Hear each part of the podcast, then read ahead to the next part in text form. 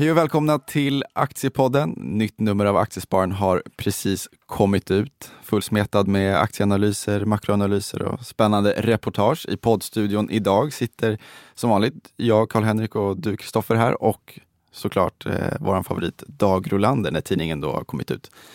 Tack så mycket. Kul att ha dig här. Är jag favorit när tidningen kommit ut? Jag menar snarare att du är vår favorit och att du är här för att tidningen har kommit ut och då är du alltid här och poddar med oss. Jaha, Det var ja, så ja. jag tänkte. ja, ja. Vad tycker du om de nya lokalerna? Jag tycker att det är ett kanonläge och eh, ja, trevligt. Du gnäller på takhöjden. Det är ju alltid bra med högt i tak, inte minst om man ska podda, eller hur? Men vi har kämpat på med akustiken här inne så vi tror att det är bra ljudkvalitet. Nog om det. Ehm, vi ska snacka lite börstemperatur, svensk inflation och sen ska vi gå igenom eh, fem eh, aktieanalyser. Men innan vi drar igång. Veckans avsnitt görs i samarbete med pensionsbolaget Skandia som precis har släppt sina placeringsutsikter. Det är en rad artiklar där bolagets förvaltare beskriver det ekonomiska läget i världen just nu. En av många intressanta saker man tar upp är att Fed har målat in sig i ett hörn i princip sedan man ändrat retorik efter höstens börsnedgångar. Så här säger Skandias makroekonom Johan Lundqvist. Om den amerikanska centralbanken har stor betydelse både för de amerikanska börserna men också för, för det globala börshumöret. Och där har vi sett ett tydligt skifte i kommunikationen på senare tid. Så sent som i höstas så var budskapet fortsatt att man skulle höja räntorna i år under 2019 och framåt. Eh, men i och med de nedgångarna vi hade under oktober, november, december på marknaden så har man blivit betydligt försiktigare från Feds sida. Och det har också bidragit till de uppgångar som vi haft på börserna i år. Men nu har man spelat ut det där kortet, det där tålmodigkortet och marknaden förväntar sig inte längre några fler höjningar från Fed i år. Och det gör att det kommer bli betydligt svårare för centralbanken att rädda upp börsen med retoriska stimulanser om vi skulle få nya börsfall här under eh, framöver i år. Då skulle man istället behöva fundera på att sänka räntan men tröskeln dit är betydligt högre och då riskerar man dessutom att börja signalera en ny lågkonjunktur. Så att det är ett väldigt svårt läge för Fed här under 2019. Tack för det Johan. Syftet med Skandias placeringsutsikter är ju att läsaren ska få hjälp att fatta smarta och långsiktiga investeringsbeslut och ni hittar alla artiklar på skandia.se placeringsutsikter. Okej grabbar, rapportperioden börjar lida mot sitt slut. Börsen har ju gått otroligt starkt sedan årsskiftet. Om ni skulle titta på rapporterna i, med liksom breda penseldrag, hur ser ni på utsikterna för kommande två kvartalen? Ja, tuffa på på samma sätt tror jag i huvudsak. Liksom. Är det därför börsen har stigit? Är det lite relief för att det ändå såg relativt bra ut om man tittar? Ja, börsen är relief alltså, efter att det var så otroligt djup pessimism som körde ner kurserna medan vinsterna låg på. Det var, det, det var jättemånga bolag som rapporterade rekordvinster för 2018 och det är ingenting som tyder på att de inte kommer att eh, tuffa på också i inledningen på 2019 på det sättet. Däremot så har vi ju ett eh, generellt bekymmer tycker jag när det gäller eh, värdering i aktiemarknaden att det är, så, eh, det är svårt att dra ut långsiktiga perspektiv. Alltså dels har vi eh, väldiga teknikförändringar och sen så har vi en oro på makrosidan som eh, där ganska mycket ändå inte är löst. Liksom.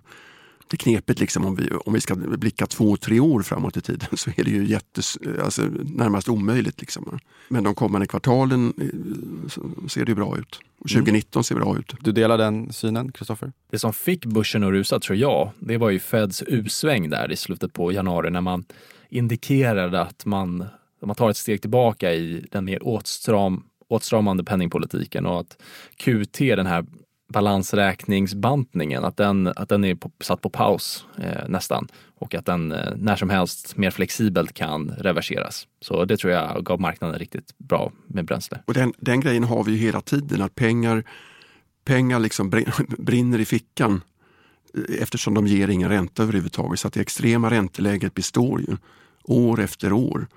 Och nu pekar Fed ut att det kommer att fortsätta även de kommande åren. Och då kan det Tina-mantrat komma tillbaka då kanske? man har- att det inte och- finns något alternativ? Det finns inga alternativ. Och, man, och Fed har egentligen signalerat dessutom att om det blir mer krisartat så kommer vi att sätta igång igen med kvantitativa lättnader, QE. Så att man har liksom eh, tydliggjort att, att man ska inte vara så ro, orolig för finansiella kriser och så vidare. Och så vidare. Och då finns det egentligen bara aktier att investera i. Det, och fastigheter naturligtvis och sånt. Va. Men eh, aktier är, är liksom det enda alternativet. Jag tycker att det är intressant att eh, när man tittade på, eller när man drog igång de här okonventionella programmen egentligen med QE, Operation Twist och, då, och TARP och allt, allt vad det hette så, så sa man ju att det var liksom tillfälligt, det var en engångsföreteelse. Men nu har man ändå öppnat för att de här QE-programmen är ju del av den normala verktygslådan. Att man kan plocka fram det när räntepolitiken är otillräcklig. Alltså man manipulerar ju räntorna på den korta sidan men man kan även manipulera de längre räntorna också med hjälp av de här programmen. Och då kommer man in egentligen på, den, på det enda sättet som de kan lösa problemen när det gäller statsskulderna i världen. Och det är att öka inflationen. Man måste få till en helt annan inflationstakt för att liksom hantera det här. Så att eh, ta, ta ett land som Grekland, jag, jag vet inte om de har 180 procent av BNP i statsskuld eller någonting sånt där. Va? Skulle man ha en inflation på 7 procent om året så skulle deras statsskuld eh, halveras på tio år. Så att, eh, alltså givet att ränteläget ligger kvar på, på, på nuvarande nivå så att säga, eller att, det, att, det, att, de, har, att de har lånat på, med obliga, långa obligationer till fast ränta. Liksom. Då halverar man ju statsskuldens värde ifrån till BNP. Och eh, det är den enda rimliga planen för att hantera eh, den här skuldsituationen som vi har. Men hur ska man få upp inflationen då? Det går ju minst sagt trögt nu. Ja, alltså det mest effektiva är att släppa fram helt andra löneökningar och en, eh, en expansiv finanspolitik. Alltså det är ju det som ger inflation. Men då har du de här motkrafterna med eh, digitalisering och globalisering som väger ganska tungt på andra sidan. Jo, men samtidigt så har man ju haft en, en eh, alltså man, alltså man har ju drivit, inte minst inom EU, har man drivit en väldigt restriktiv finanspolitik. Absolut, ja, så, där, där så, har du så, finanspolitiken kvar. Ja, Även om man, penningpolitiken har, där har du liksom kramat ur allt du kan det i princip. Ja, där har man kramat ut allt man kan. Men, eh, men på finanspolitiken har man inte gjort det. Och, eh, och, det är egentligen där man måste göra det för att få upp inflationen. Jag tror också att den trenden vi ser ute i världen, det är med stigande protektionism, stigande nationalism. Att, att man har tröttnat på den här globaliseringstrenden och att eh, jag tror att eh, kommande 10-20 år att man kommer flytta produktionen hem. Alltså ekonomierna kommer bli mer lokala, produktionen kommer bli mer lokal. Hela modellen med att ja, men, tillverka kläder och andra saker långt bort i något fjärran land. Det tror jag, den modellen fungerar inte riktigt längre i dagens politiska landskap. Det är intressanta aspekter. Frågan är hur lång tidshorisont vi pratar här. Ja, jättelång. Innan det börjar kännas av. Mm. Men okej, okay, men om vi fokuserar på Riksbanken. Vi var inne på det lite kort i förra podden. Du skrev en artikel, eh, Kristoffer, om eh, svenska kronan, kronraset. Hur, hur ser ni på, om vi tittar svensk ekonomi stort, om vi då bakar in inflation och svaga svenska krona, Riksbanken? Alltså Riksbanken vill ju ha en svag krona för det är ju deras huvudmedel för att få upp inflationen.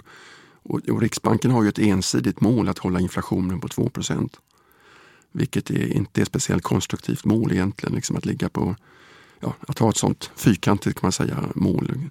Det, det känns lite konstigt. Men, men hur som helst, det är väldigt svårt att förutsäga vad Riksbanken gör. Men, men frågan är om de höjer 25 punkter till i år eller inte. Liksom. Det är ungefär det som är frågeställningen med dem. Men vad är det farliga med en svag svensk krona? Vissa pratar om att det är såklart det är positivt för svenska exportbolag och det kan vara positivt för vad vi hört, svenska fondsparare som investerar i globala, globala aktier, men det finns ju en hel del negativt också med det. Ja, det är en levnadsstandard, standardförsämring för mm. svenskar att, eh, att kronan faller i värde naturligtvis. Relativt sett så sjunker vår levnadsstandard. Och det som kännetecknar framgångsrika nationer det är just att eh, valutans styrka indikerar att företagen och nationerna gör något rätt för att eh, företagens tjänster och produkter de efterfrågas i omvärlden och att det finns en reell efterfrågan på, på dem på de varor och tjänster och att det inte är bara någon artificiellt nedtryckt kronkurs eller växelkurs som resulterar i att, eh, att företagen säljer utan att det faktiskt är produktiva och eh, konkurrenskraftiga eh, produkter och tjänster. Men alltså Riksbanken följer ju ECBs penningpolitik. Ja, det är de ju nästan illa tvungna att göra. Ja, och, och, och, eftersom Sverige har mycket, mycket starkare statsfinanser än de europeiska länderna så är det så rimligt att svensk ränta ligger lägre än ECBs och det bidrar till Riksbankens eh, måluppfyllelse också. Liksom. Problemet är ju också att vi har så otroligt hög privat skuldsättning i Sverige. Så när hushållen börjar deppa, man ser mörkare på framtiden så drar man ner konsumtionen och så kan man kommer, kommer ekonomin in i någon sån här eh, nedåtspiral som är svår att och eh, komma upp ur. Men är ni, är, ni, är ni negativa kring svensk ekonomi? Om man zoomar ut och tittar liksom tillgångsallokering eller i alla fall olika sektorer på svenska börsen. Ska man äga bolag med utländsk exponering eller med svensk exponering? Jag tror man ska äga med utländsk exponering. Fortsatt? Men, ja, men, mm. men eh, samtidigt så tror jag inte man ska vara negativ till men alltså svensk ekonomis utveckling är, är sidledes. Mm.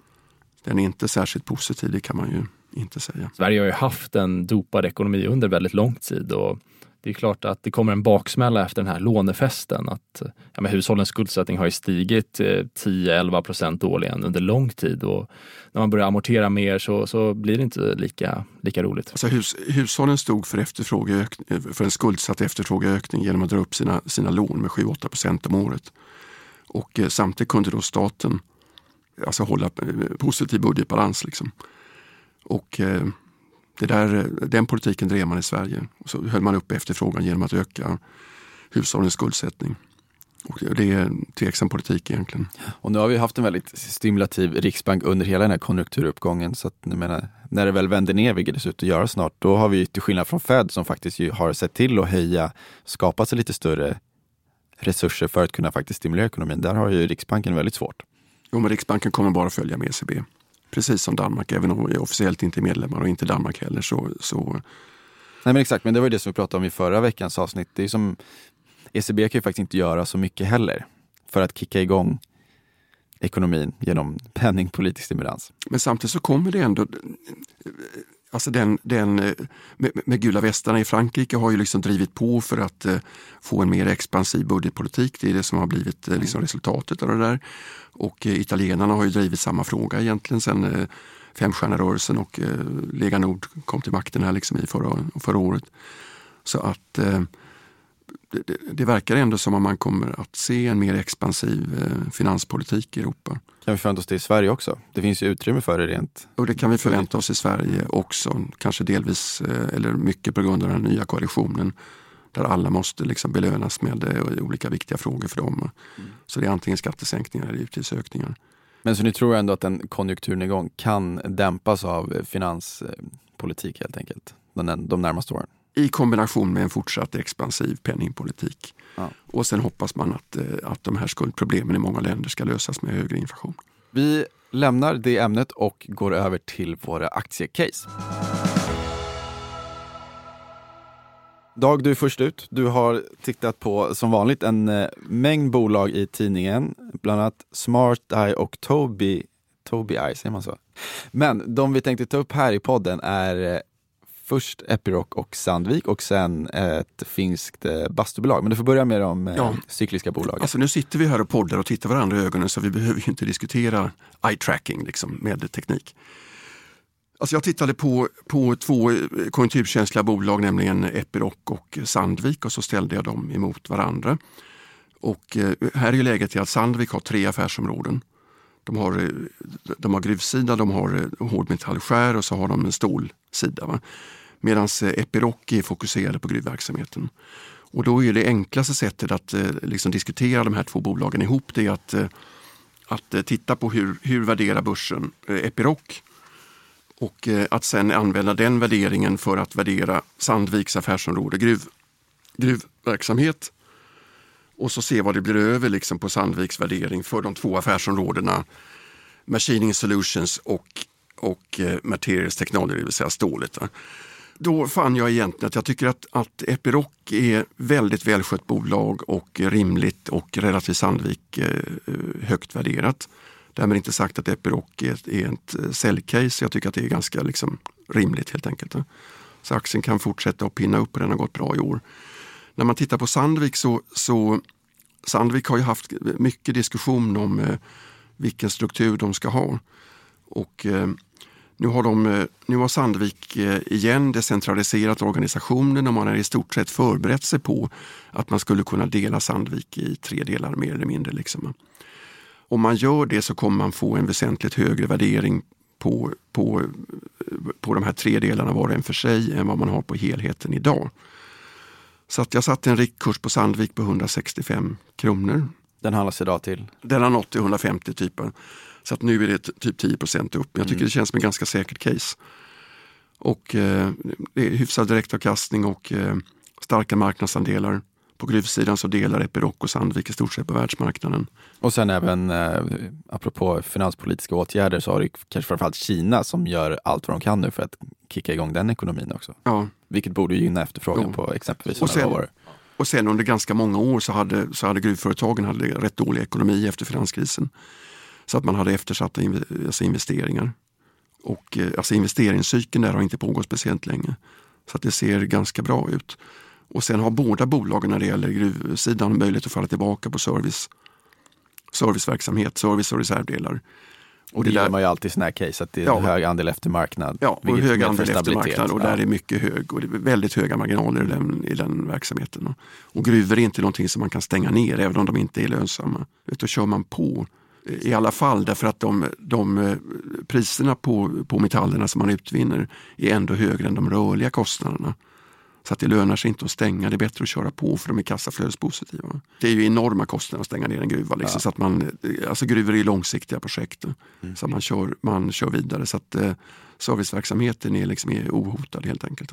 Två köprekar. Ja, framförallt. Sandvik men Framförallt ä- även Epiroc är okej. Mm. Givet vår positiva konjunktursyn pojkar. Ja, den får stå för dig. Kristoffer, du har tittat på um, gymkedjan, eller hur? Actic. Precis, jag har ju tittat på gymkedjan Actic Group som börsnoterades i april 2017. Ett jätteintressant bolag. Man sattes på börsen till kursen eh, 50 kronor och 50 öre. Kursen står nu i 33-34 kronor någonstans där. Eh, man har alltså rasat ganska rejält eh, sen introduktionskursen och noteringen kan man säga har floppat. Eh, men jag tycker ändå att det finns tecken på vändningar här och jag har skrivit en längre analys på det. Så jag skulle faktiskt, jag lägger en liten cliffhanger där och jag rekommenderar alla att läsa tidningen och läsa min analys där istället. Så spana in den analysen i tidningen. Men Karl-Henrik, du har ju tittat på Core. Exakt, fastighetsservice. Det här är ju om man kanske inte har en lika optimistisk konjunktursyn som Dag alltid har. Eh, så det kan vara bra att kanske diversifiera med både att köpa Dags eh, bolag och eh, Core.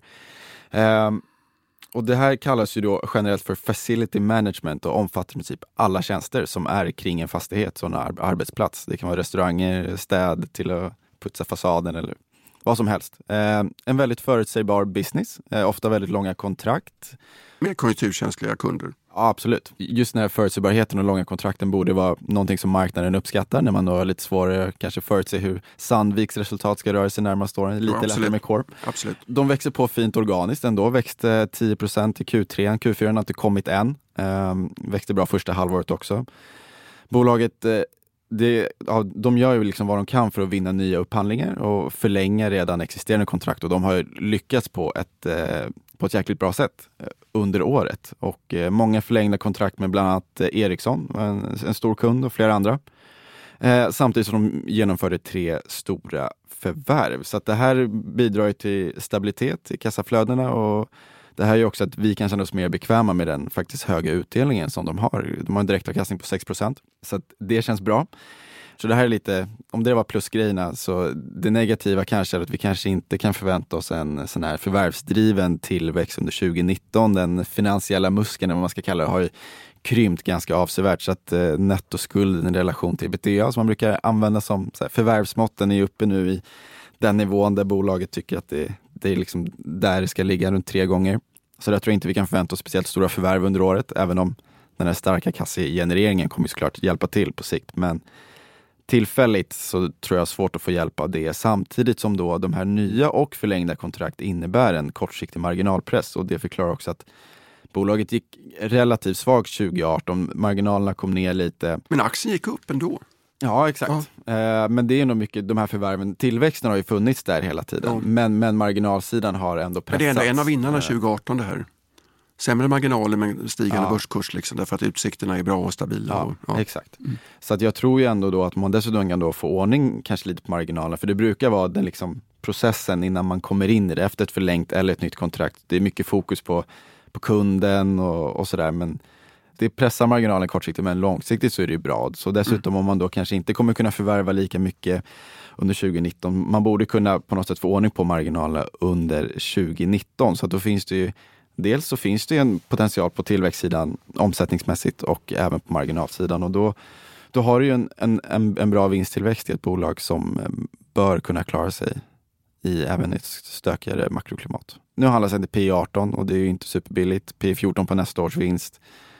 Det är, det, det är helt okej. Okay. Samtidigt så borde marknaden vara beredd att betala upp mer för defensiv exponering kanske. I sånt här. De, de gynnas väl också av sådana här eh, nystartsjobb liknande, alltså med subventionerade arbetsgivaravgifter. Och, ja. Eller hur? Exakt. Och den politiken ligger ju fast eller eh, ser ut att förstärkas till och med. Alltså. Så att det blir eh, läge, ja, låga lönekostnader helt enkelt. Ja, nej, men så det är ett bra case. Det är förutsägbara intäkter som sagt, hög utdelning, vinsttillväxt. Eh, helt okej okay, värderingsmässigt. Så att, eh, det blir ett eh, köp på Core med riktkurs 85 spänn på 12 månaders sikt.